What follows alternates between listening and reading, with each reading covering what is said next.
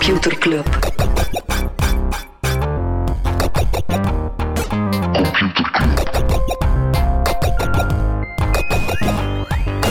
Computer Club. Hey Smolly, Hey Freddy. welkom, welkom terug. Welkom. Welkom bij Computer Club, een wekelijkse podcast over technologie. Iedere aflevering selecteren Freddy en ik een interessant artikel en presenteren we een feitje. Soms komen we terug op dingen. Soms komen we terug. Ja, ehm, we zijn teruggefloten door een vriend van mij, die werkt bij de mobiliteitsdienst van Stad Antwerpen, een van Ah, beste vrienden. Om een specifieke reden, niet gewoon we zijn teruggefloten. Nee, we zijn effectief eh, teruggefloten. Ja, nee, omdat eh, we hebben iets over Uber vermeld, over die, die regelgeving er rond. En zo. En zei, ja, om even heel precies te zijn, je moet als chauffeur, zelfs als je voor Uber be- rijdt, een taxivergunning hebben.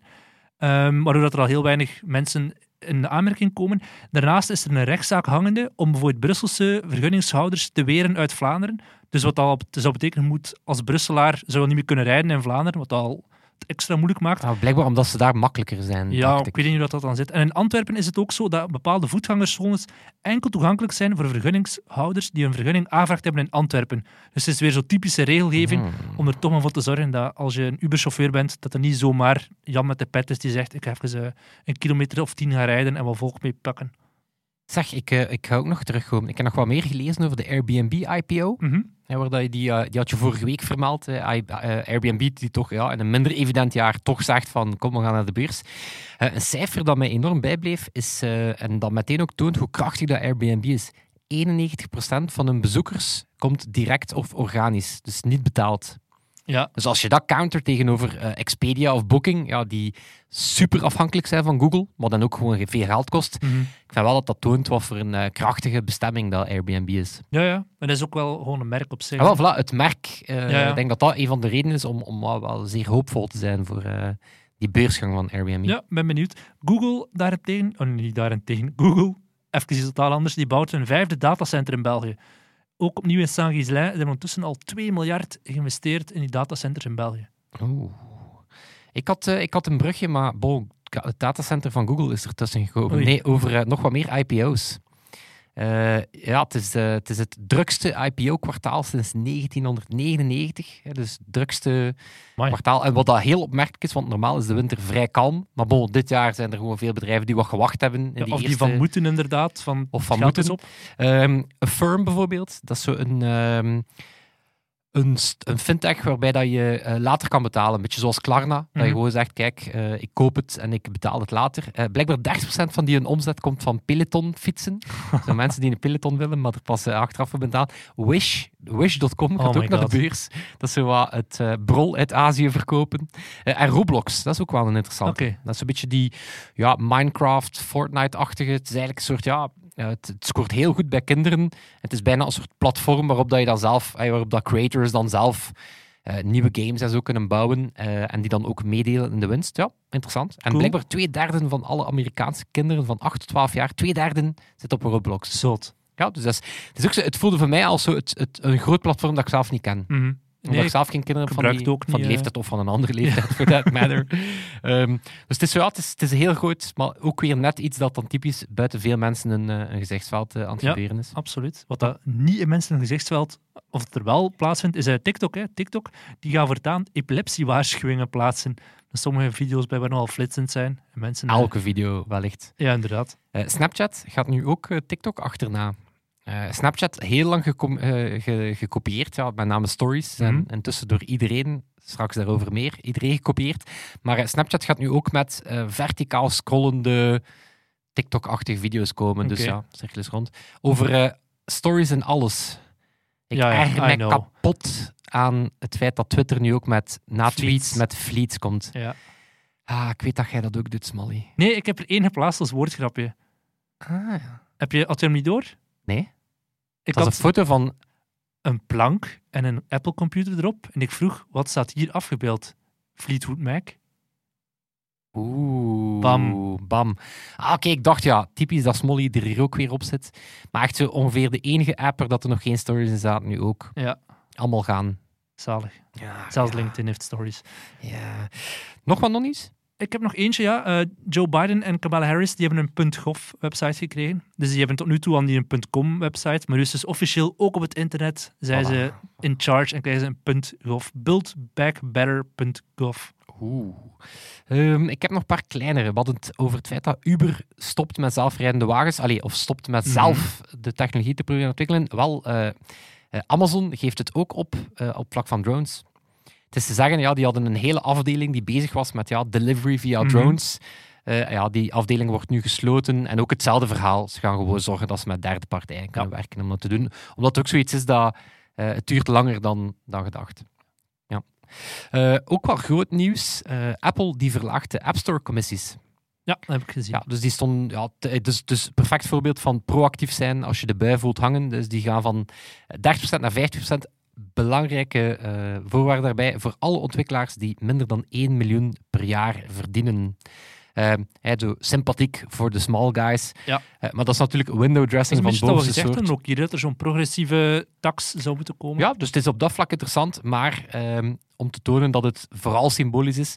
Het gaat om 98% van de ontwikkelaars, dus dat is goed. Ehm, maar om eh, minder dan 5% van de App Store omzet en minder dan 2% van de effectieve omzet van, van Apple. Dus niet niks, maar op zich een zeer slimme move, want Tuurlijk. ja, daar de eigenlijk eh, ja, de boel weer voor. Hè. Dus ja, Tim Cook toch wel... eh, hey, wordt zo, Tim Cook wordt zoveel neergezet als zo Een boekhouder. de boekhouder die naast Steve Jobs kwam.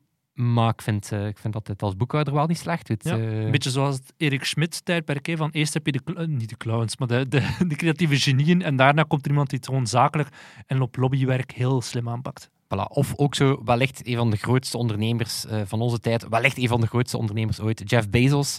Eh, Amazon, die nu ook in de online apothekerie Mhm. eh, gaat. Eh, zeer logische markt. Ja, ze hebben het logistieke centrum. Zeker in de VS is dat een zeer grote markt. Er gaan binnenkort blijkbaar heel veel vaccins moeten gedistribueerd worden. Maar ja, maar voor, zeg maar maar- iets. ja, of, of COVID-testing. Wie zegt Ja, er dat je, dat je je Amazon Delivery persoon niet ook gewoon eens om de, om zoveel dagen eens een COVID-test komt doen? Eh, doktersbezoekjes via Alexa, eh, wat als ze ook in verzekeringen gaan. Mhm. Ze kennen, ze kennen je perfect, je, je aankoopgedrag. Ze weten perfect wat dat je kredietwa- kredietwaardigheid Ja, is en enzovoort. welk eten, of hij gezond eet of niet. Voilà. Dus eh, ja, Het is de future. het is de future. Ook zo'n klassiek voorbeeld. Meteen ook, meteen ook alle, alle aandelen van alle concurrenten Ja, meteen een vrij val. Wat zo typisch is. Amazon moet nog maar zeggen dat ze ergens in gaan en het is al, het is al voorbij voor de rest. Ik wacht tot de Amazon in de uitvaartsector begint. Ooit. Ooit. Die markt moet nog disruptu- disruptueerd. eh. Zou er e-commerce zijn in de uitvaartsector? Maar ja, je het niet Dela? Dat is toch Dela? Ja, ja. Is, Dela is een...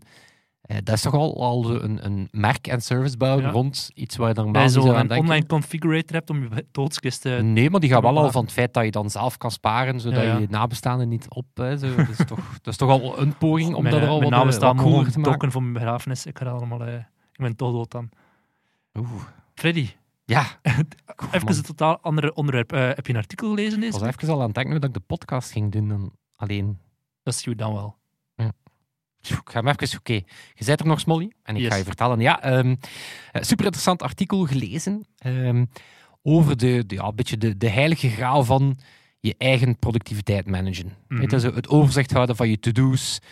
Ja, zo bijna die religieuze, ja, bijna het sectarische to-doism. Zo de, de zoektocht naar het ultieme systeem. En ook zo de ultieme tool van ja, je eigen to-do's en productiviteit. En dus het is een artikel van de New Yorker. ehm, en dat vertelt een beetje over de opkomst van die, ja, van, van die religie. eh, maar ook waarom het vaak faalt. Boeiend, hè? Dus het is iets breder dan enkel de technologiekant, maar ja, natuurlijk to-do-tooltjes Mhm. en systeempjes. Ja. Ja. bedoel, zijn we niet allemaal bezig met eh, ja, zoeken naar eh, wat nu de volgende beste tool is. Ehm, en dus dat verhaal dat dat begint met, eh, met eigenlijk twee grote figuren in die, in die wereld.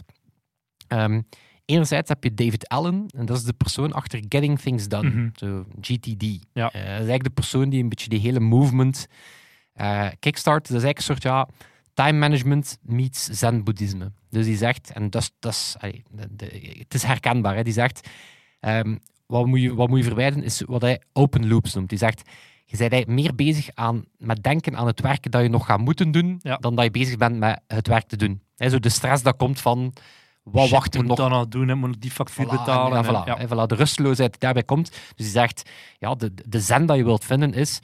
Die zegt, kijk, voeg alles zo snel mogelijk toe aan een inbox. Mhm. Dat dat op papier is, digitaal. Gewoon schrijf het neer. Hè, Ik moet dat ooit nog doen. Keer dan regelmatig terug naar die inbox om daar even door te gaan.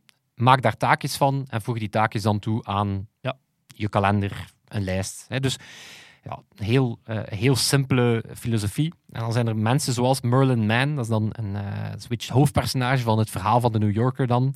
Hij was een designer en die, ja, die zat zwaar aan de, aan de Getting Things Done Kool-Aid.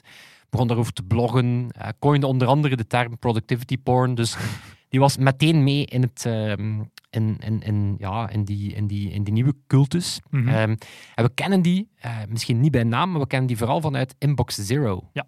Ja, het concept van ja, eigenlijk je mailbox, om, om blij te zijn op het einde van de dag, moet je die, die moet leeg zijn. Hoeveel mails heb jij die onderlezen zijn?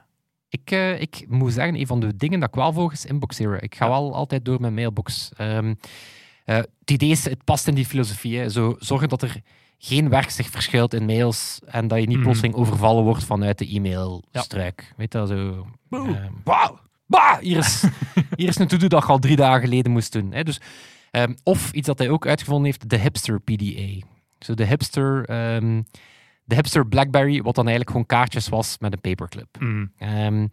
Maar dat verhaal gaat ook over dat die Merlin Man eigenlijk geleidelijk aan, eigenlijk vooral na zijn grote succes van Inbox Zero, ja, raakt hij eigenlijk een beetje de, de, gedesillusioneerd met die, met die hele cultuur.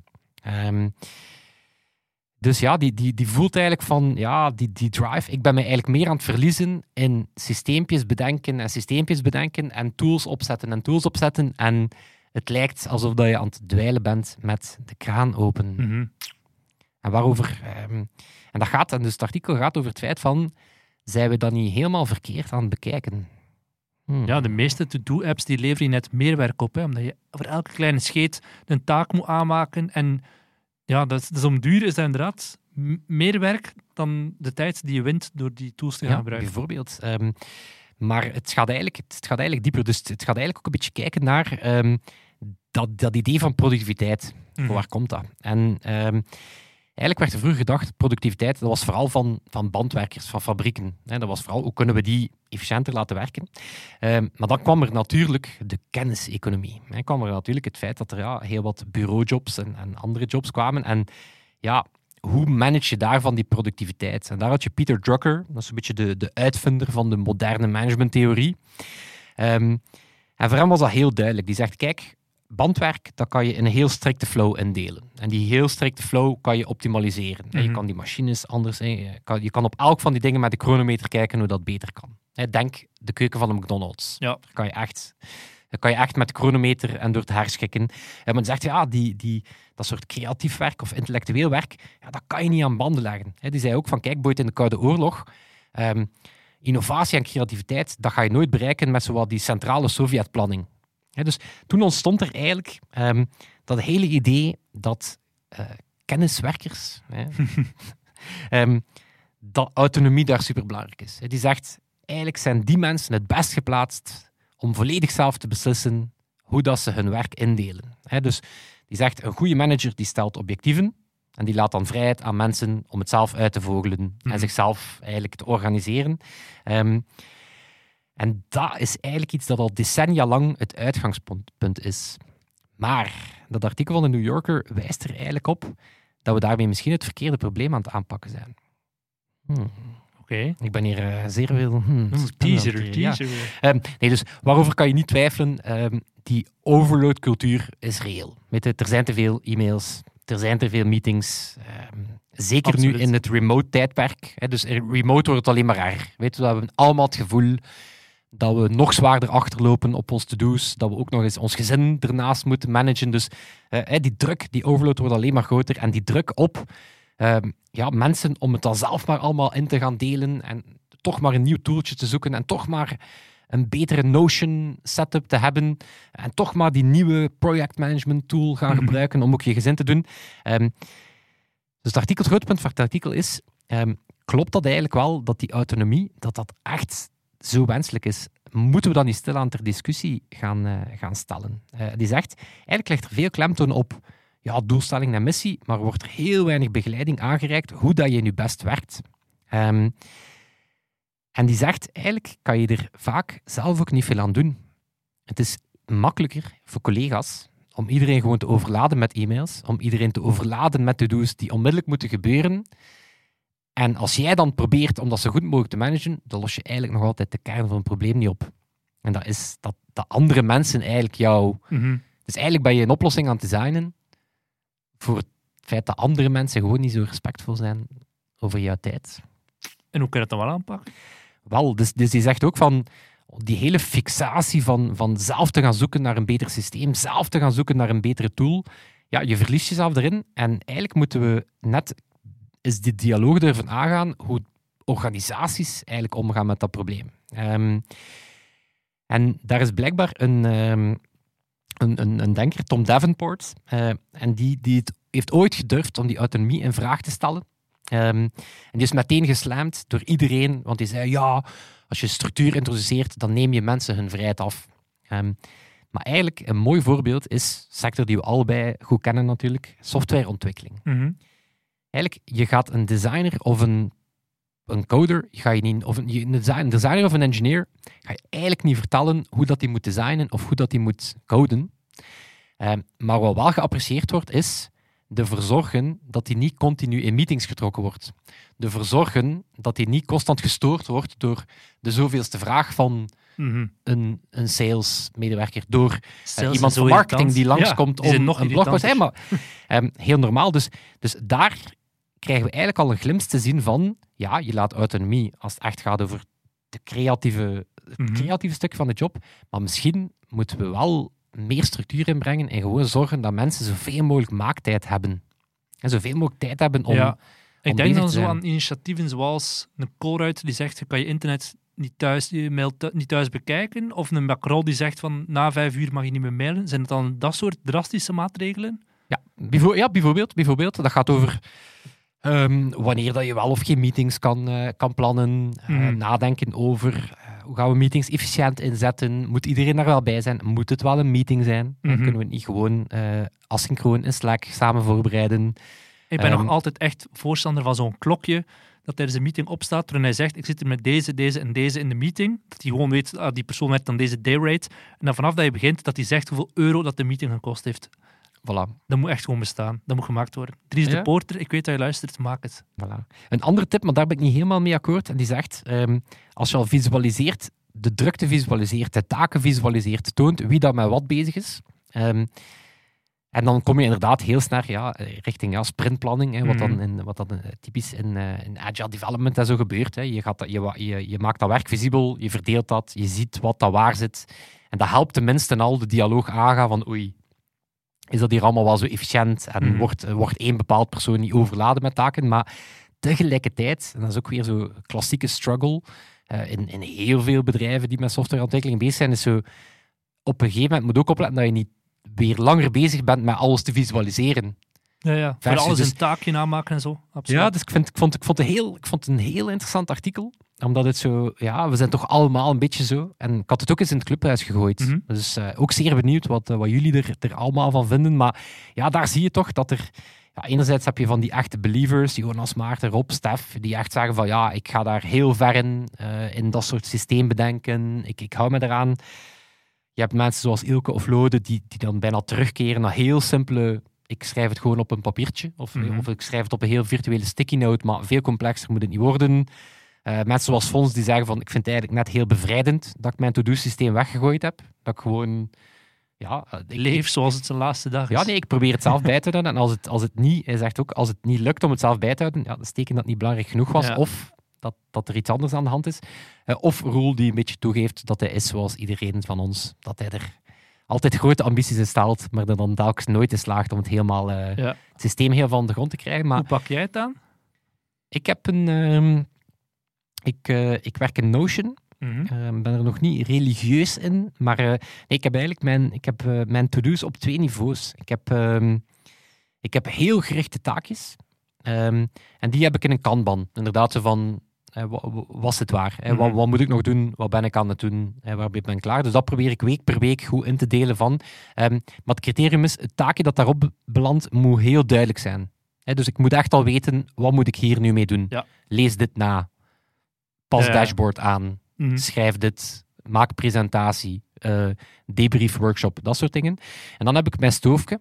Ehm, en daar staan mijn projectjes op. Daar staan mijn projectpotjes op. En dat zijn zo dingen dat... Ehm, dat, zijn, dat is nog geen concrete taken, maar dat is gewoon zo waar dat ik mijn gedachten aan het vormen ben. Oké, eh, wat is ons plan voor volgend jaar? Ik schrijf daar wat dingen in. En eens dat daar dan gedestilleerde taakjes uitkomen. Ehm, en het idee dat dat een stoofje is, komt uit Make Time van Jake Knapp. Een persoon die onder andere ook Sprint geschreven heeft. En dat zegt, ja, er zijn ook maar zoveel dingen dat je tegelijkertijd op je vuurtje kan staan Ja. hebben. En zo, je kunt maar, maar een paar potten tegelijkertijd bezig zijn. En dan moet je ook gewoon durven zeggen, oké, deze gaat even op het aanrecht. Deze heb ik geserveerd. Alright. Jij? Ehm, ja, ik heb heel veel van mijn dingen dat ik doe, kun- je terugkeren naar grip hè, van Rick Pastoor. Zijn er ook meteen die getting things done van ik, ik schrijf een takenlijstje waar ik alles wat in me opkomt van de meest kleine, basale dingen meteen op to-do-lijst. En mijn agenda is zo ingedeeld dat er vaste blokken staan, meetings die ik gewoon niet kan verzetten. En dan voor de rest pan ik gewoon de grote taken echt meteen in in mijn agenda, zodat ik weet, en iedereen heeft zicht, ja, iedereen, nu heb ik geen collega's meer, maar iedereen had zicht op mijn agenda en die wist dan dat kan ik niet overboeken. Want, Ja, dat is inderdaad nog wel een slimme. Is ook zo het, eh, het toevoegen van de tijd dat je normaal nodig hebt om het te doen Mhm. aan je agenda, zodat je tenminste al kan zien van, oh oh, Ja. dat gaat hier deze week niet goed komen. En dan kun je tenminste proactief...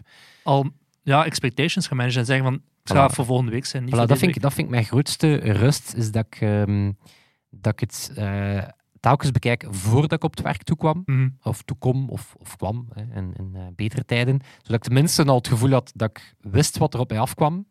En inderdaad, door wat vooruit te proberen kijken, kon ik tenminste al weten van oké, die meeting vrijdag, dat gaat mij nooit lukken, Mhm. realistisch. En dan, dan laat ik dat liever weten een aantal dagen op voorhand. Ja, en mensen appreciëren dat ook en staan er echt wel, die, die ga je niet vermoorden. Soms hebben ze zelf het gevoel van fuck, ik moet dat doen voor vrijdag. Eh, en dan, dan pak je heel veel werk op je hals. Maar als je gewoon aan mensen zegt van sorry, het zal maandag zijn. Heel veel mensen zeggen oké, sure, dat is totaal geen probleem. Maar zeker als je het op voorhand meldt. Als je het ja, op voorhand meldt, dan is dat de... Ja. Over die make-time komt er binnenkort nog tof Belgisch nieuws. Maar ik zal aan de mensen die er eh, aan gewerkt hebben, eh, zeer benieuwd. de scoop is voor hun. Oké, zeg Smolly. Kwestie dat we de productiviteit van deze podcast ook eh, hoog houden. Wat, eh, wat kennis? Yes, geef Even maar een... eh, injingelen. Computerklas. Freddy, er bestaat soft-erotische literaire porno over Clippy. Soft erotische Literaire, porno literaire porno. over Clippy. Oké, soft erotisch en porno, dat is een beetje dubbelop. Maar Mhm. ik onthoud daar vooral Ja, er is dus op Amazon... Er is dus op Amazon erotic short story over Clippy, geschreven door Leonard Delaney. Dus is, eh, het is een genre, dus er zijn mensen erop kijken, blijkbaar. Wist je dat Clippy trouwens in het echt niet Clippy noemt? Die heet Clipit. No way. Jawel, echt, die heet Clipit. En eh, dat komt, ja, eigenlijk... ik heb- Clipit lijkt zo'n cheape iPhone-app die jouw plak copy-paste bord Ja, helpt. ja, die heet gewoon effectief Clipit. of, of screenshots helpt nemen of zo. Ja, maar zo van in het beginjaar van een iPhone. Ehm, er staat er dus op YouTube een documentaire van een uur lang door Andr- Andreessen Horowitz met een, een, eh, gesprek met Steven Sinofsky over Clipit en hoe dat die, die geschiedenis toen ontstaan is. En dat is eigenlijk wel interessant. Op een bepaald moment, heel in het beginjaren van de computer, mensen snapten niet goed wat moet ik hiermee doen. Dat is zo'n danig complex systeem.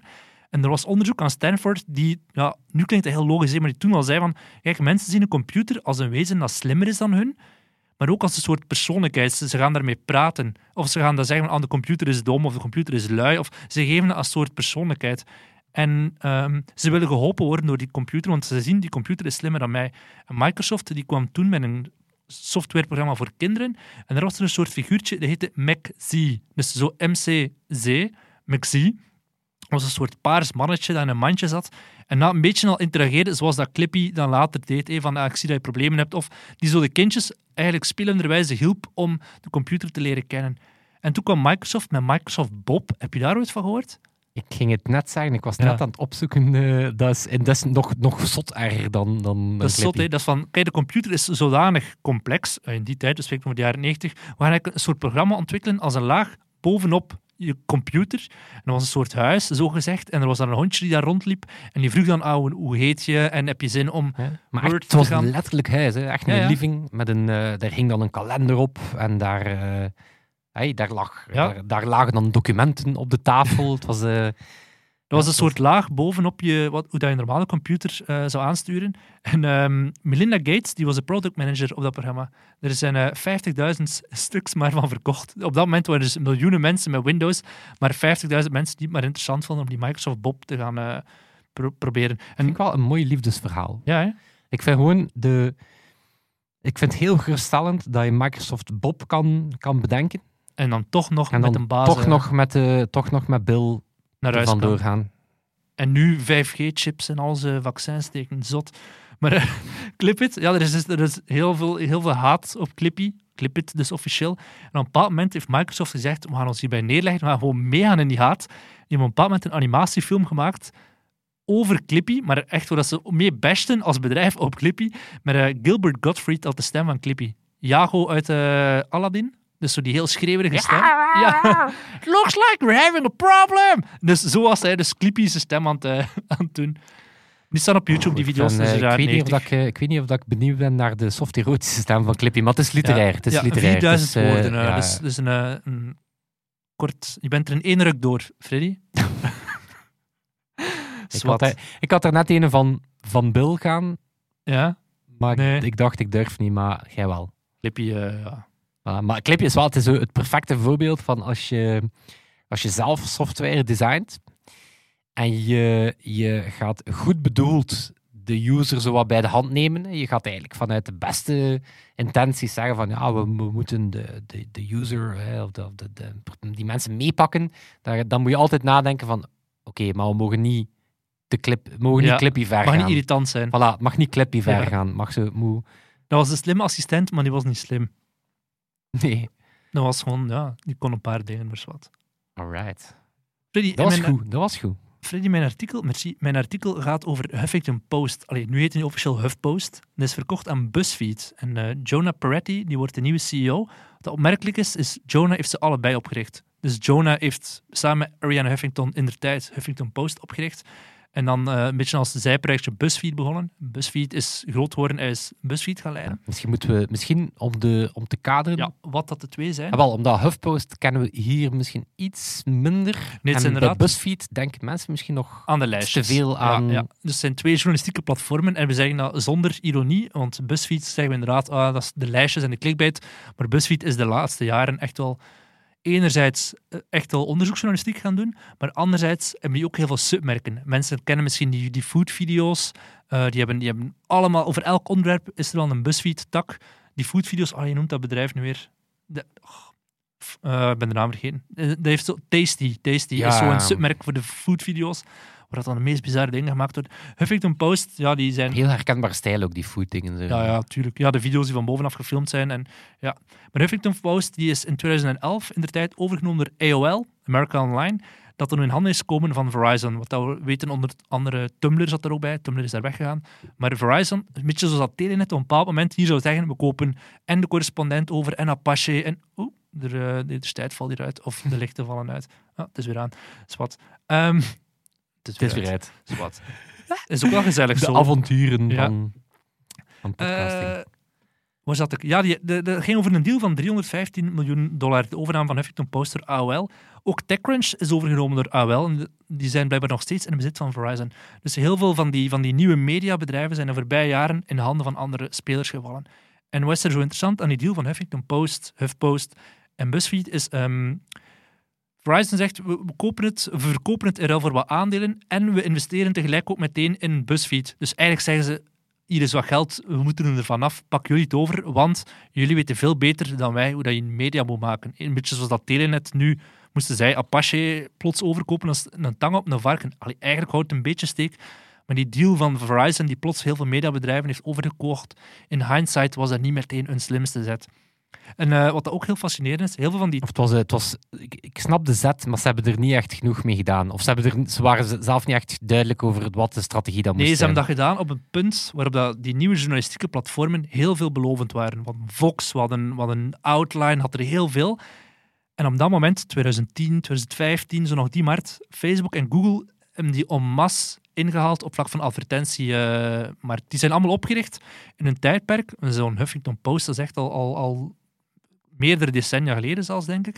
Ehm, in een tijdperk waar het ging over schaal. Als jij gewoon heel veel gebruikers kon bereiken, dan had je ook heel veel advertentieinkomsten, zoals dat televisie en, en kranten ook Ja, werken. Als, was als inderdaad veel- zo in een typisch eh, CPM, kost per duizend impressies ja. model. Maar dat is dan, dat is dan Eh, geshift eh, door Facebook en Google, die zeiden van het gaat niet om die hoeveelheid, het gaat gewoon om de juiste mensen kunnen bereiken. En, En- het feit dat, die, dat, die, dat de Facebooks enzovoort meer en meer ook een gatekeeper werden voor die, voor die trafiek. Ja, ja, absoluut. Heel veel van die, van die platformen.